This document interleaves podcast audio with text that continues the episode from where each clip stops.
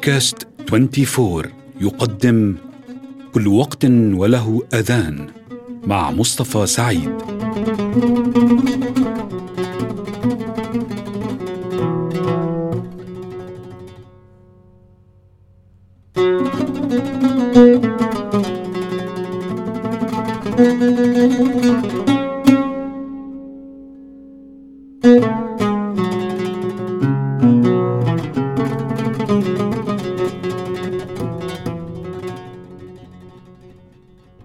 أصدقائنا المستمعين أهلا وسهلا بكم في حلقة جديدة من هذه السلسلة كل وقت وله أذان.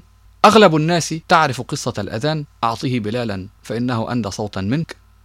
ليس هذا محط حديثنا لكن نقول إن حاجة الناس لمعرفة الوقت بالأذان السبب الرئيسي في اختلاف أنغام الأذان بين صلاة وصلاة.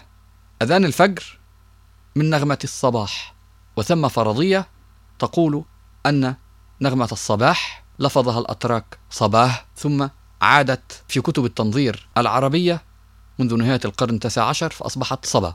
رابعتها نجدي ليست رابعة تامة بها شيء من التنبيه والحنان على الأذن.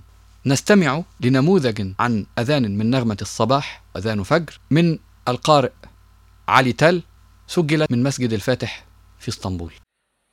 حي على الفلاح.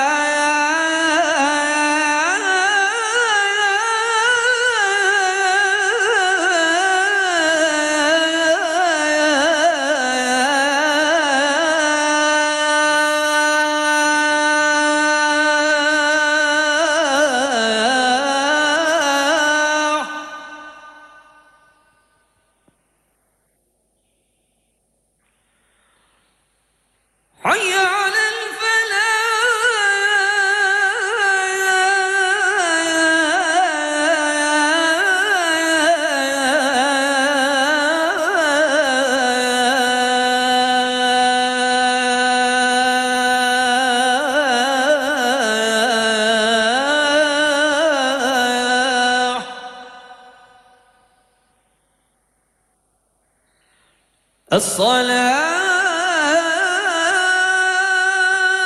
خير من النوم.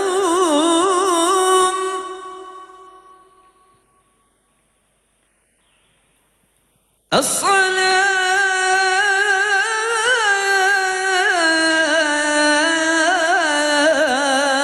خير من النوم.